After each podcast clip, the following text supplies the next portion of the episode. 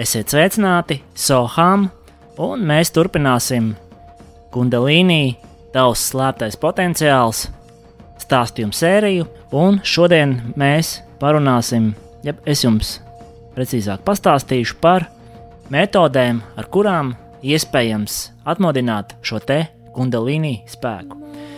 Nu, Tantrā tiek uzskaitīta vesela virkne metožu, nu, ar kuru palīdzību ir iespējams Kundalīnī atmodināt, nu, un šīs metodes var un parasti tiek kombinētas. Nu, pirmā metode, kas jāpamina, patiesībā nemaz nav metode, bet ir daudz cilvēku realitāte. Viņi piedzimst ar atmodinātu kundalīnī. Jautājums tikai cik lielā mērā šis kundalīni ir atmodināts. Ja pilnībā, nu tad mums ir darīšana ar svēto, un šis bērns jau no agras bērnības būs kā skolotājs saviem vecākiem, apkārtējiem, ģimenes locekļiem. Nu, un šādas parādības ir bieži sastopamas austrumos, Indijā, Tibetā, Šrilankā un tam līdzīgās valstīs. Nu, šādi bērni parasti piedzimst garīgi augsti attīstītu vecāku ģimenēs vai arī nopietnu jogu ģimenēs. Šis nav tas pats gadījums, kas ir vēl biežāk sastopams, kad cilvēks jaunībā vai pat brieduma gados pēkšņi nenošāni no tā piedzīvo kundalīnī atmošanos. Dažkārt tas notiek pat to neapzinoties, vai uzskatot to par kādu dīvainību, vai varbūt pat mentālu patoloģiju. Jā, tieši tā arī var gadīties. Cilvēkā gluži vienkārši atverās dimensijas, kuras parastam cilvēkam ir nesasniedzams. Redzēt garus, sarunāties ar tiem, strīdēties, bēgt. Nevienmēr ir fantāzija auglis vai traucēns mentālais process. Dažkārt tās ir reālas, garīgas pieredzes. Tā nav šo cilvēku problēma, tā ir psihiatrijas un pārējās sabiedrības daļas nezināšana.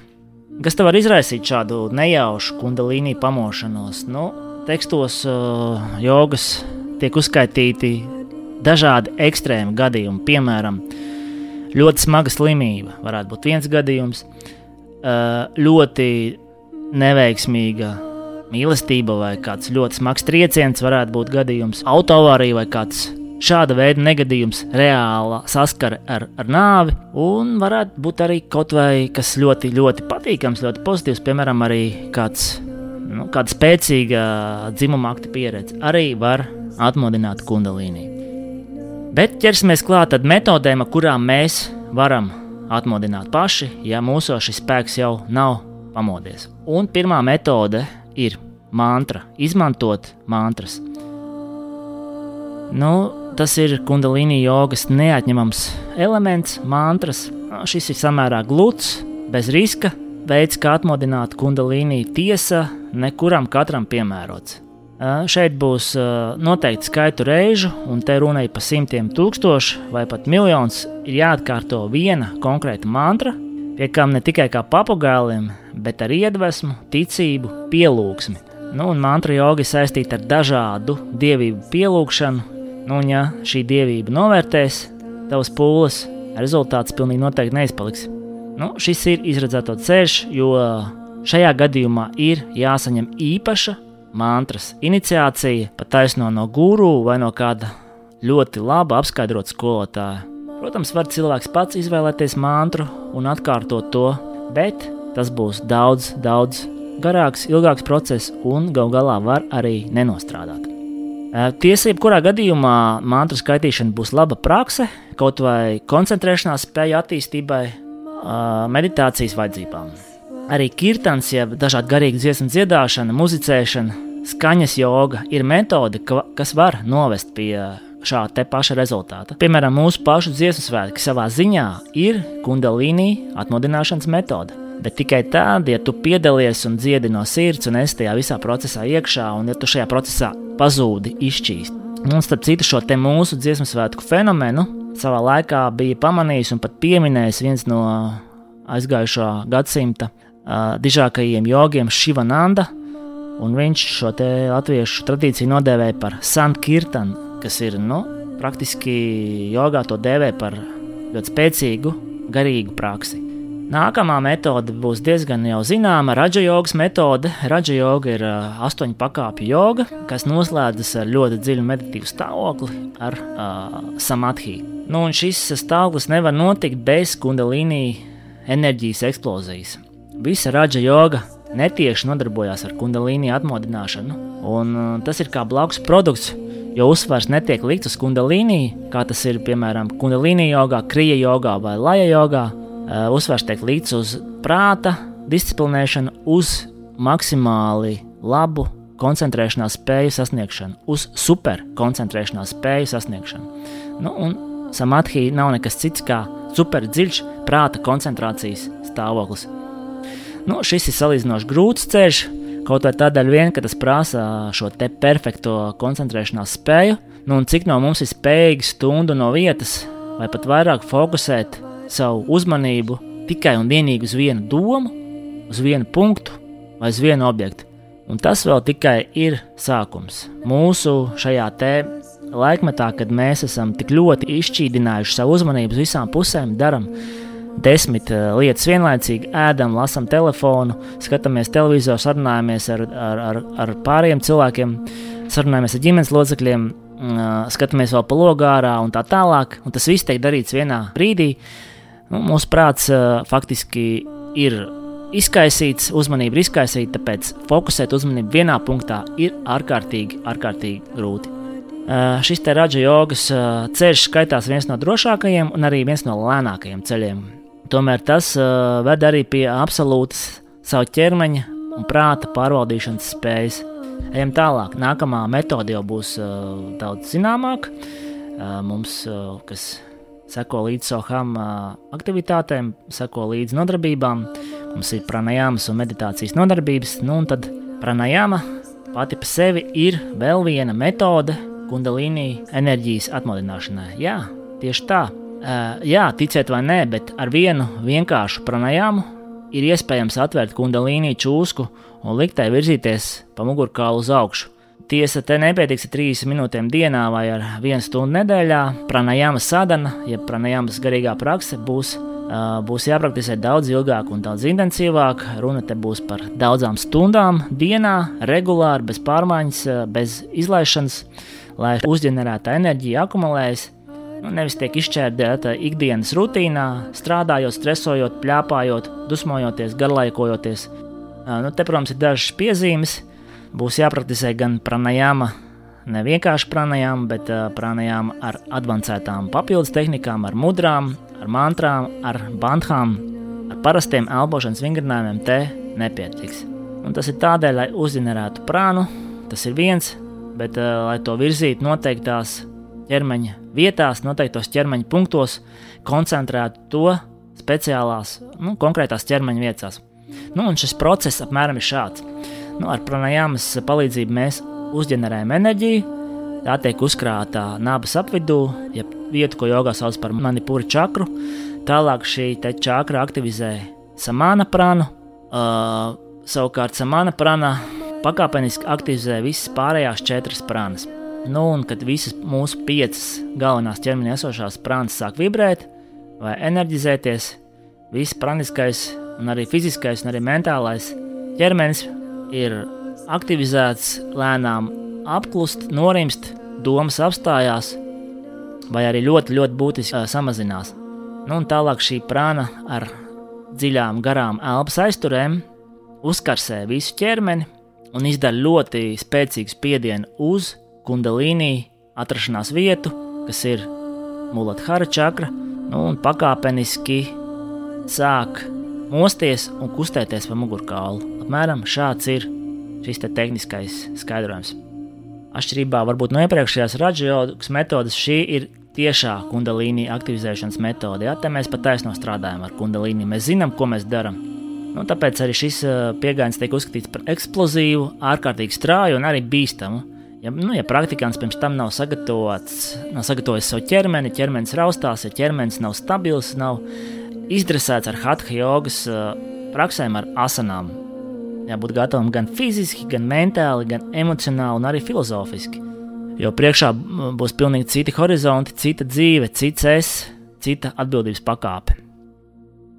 Tas par pranajāmu turpināsim ar vēl kādu daudz maz vienkāršāku, vienu no labākajām metodēm, vienu no iecienītākajām metodēm šobrīd un vispār pēdējā laikā.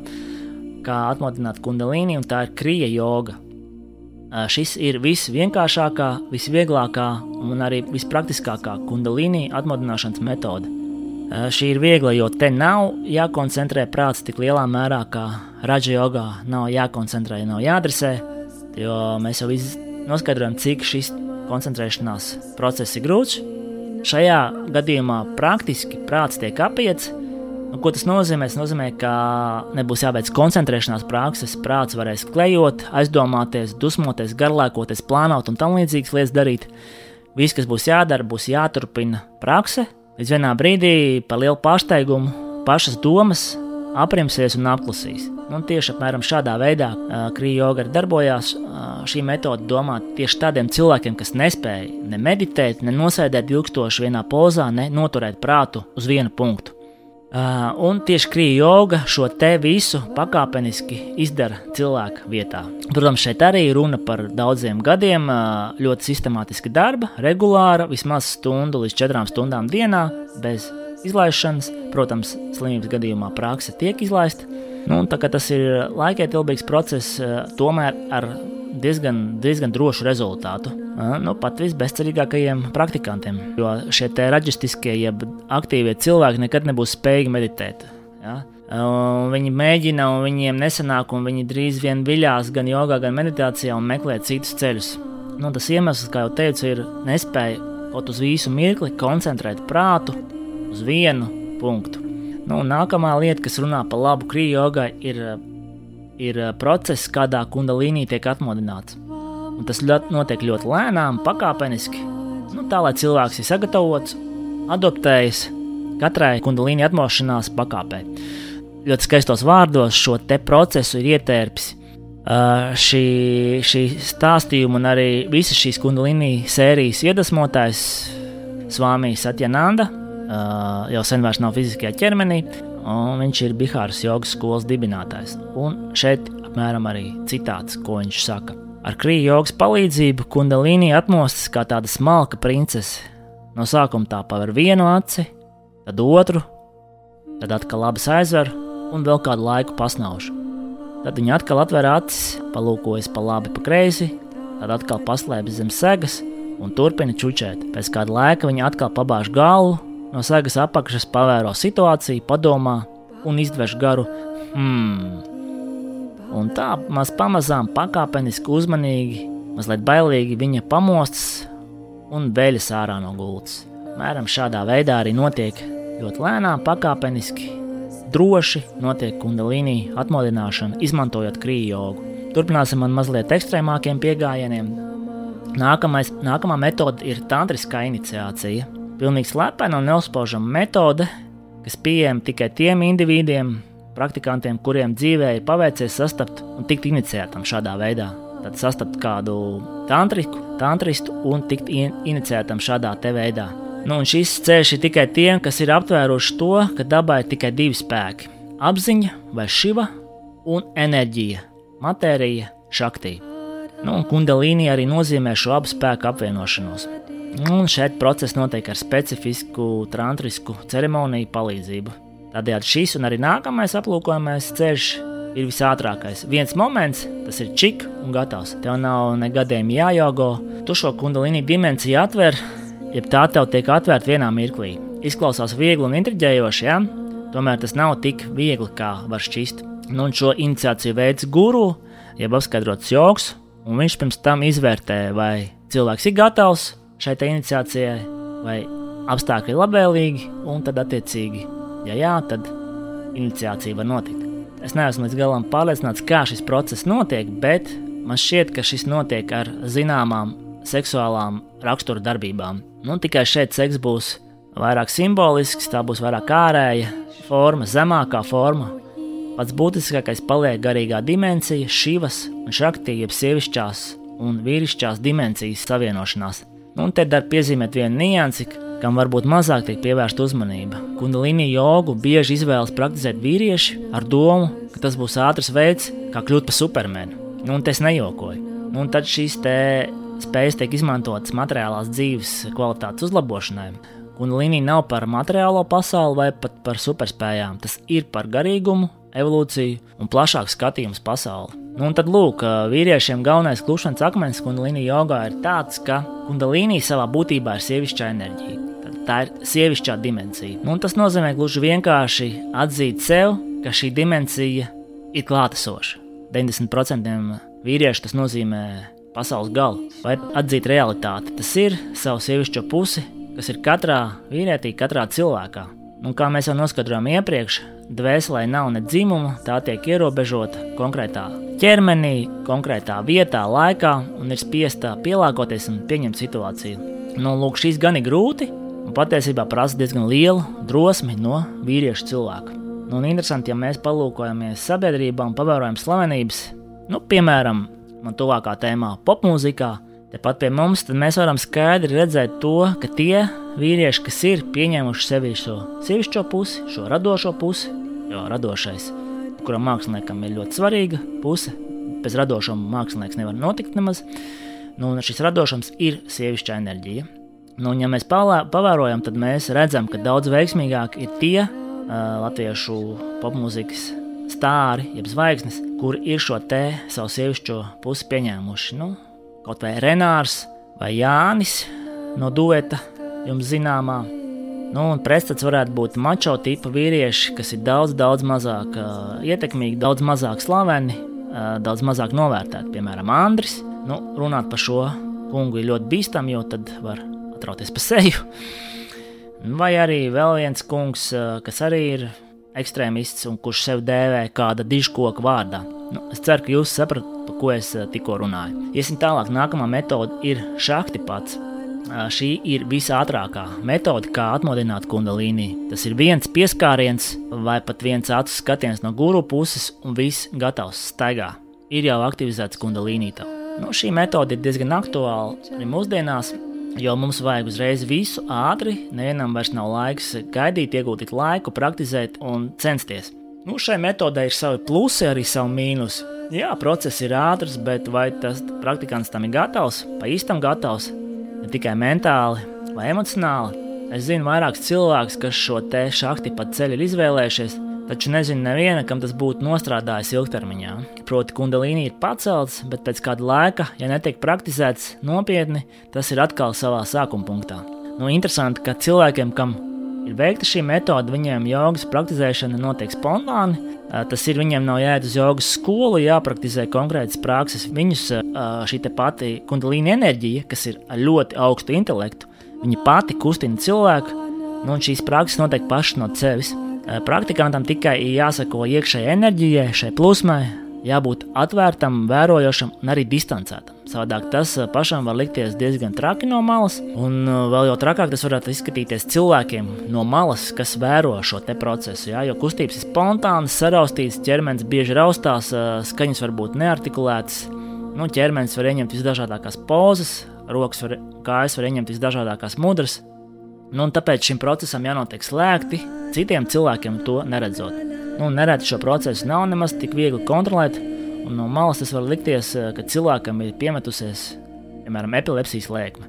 Eh, tik tālu par šādi pat turpināsim ar nākamo metodi, un tā ir augu un zālīšu lietošana kundalīni atmodināšanai. Jā, šī ir arī metode, slepena, nepieejama. Nu, tiesa rietumnieki ir atraduši savu ceļu. Narkotikas, alkohols un citas vielas, ar kuru palīdzību ietekmēt organismu ķīmiju. Uh, tikai te galvenā problēma ir tajā, ka narkotiku lietotājs nav ne fiziski, ne psihiski, ne emocionāli gatavs tām pieredzēm, ko dod visas šīs vielas. Nu, rezultāts mums visiem ir zināms. Ajogas gadījumā ķermenis tiek ietekmēts ar dažādām dabiskām vielām, nu, kas ļoti spēcīgi ietekmē psihi, bet jogi vienmēr ir gatavi šīm pieredzēm.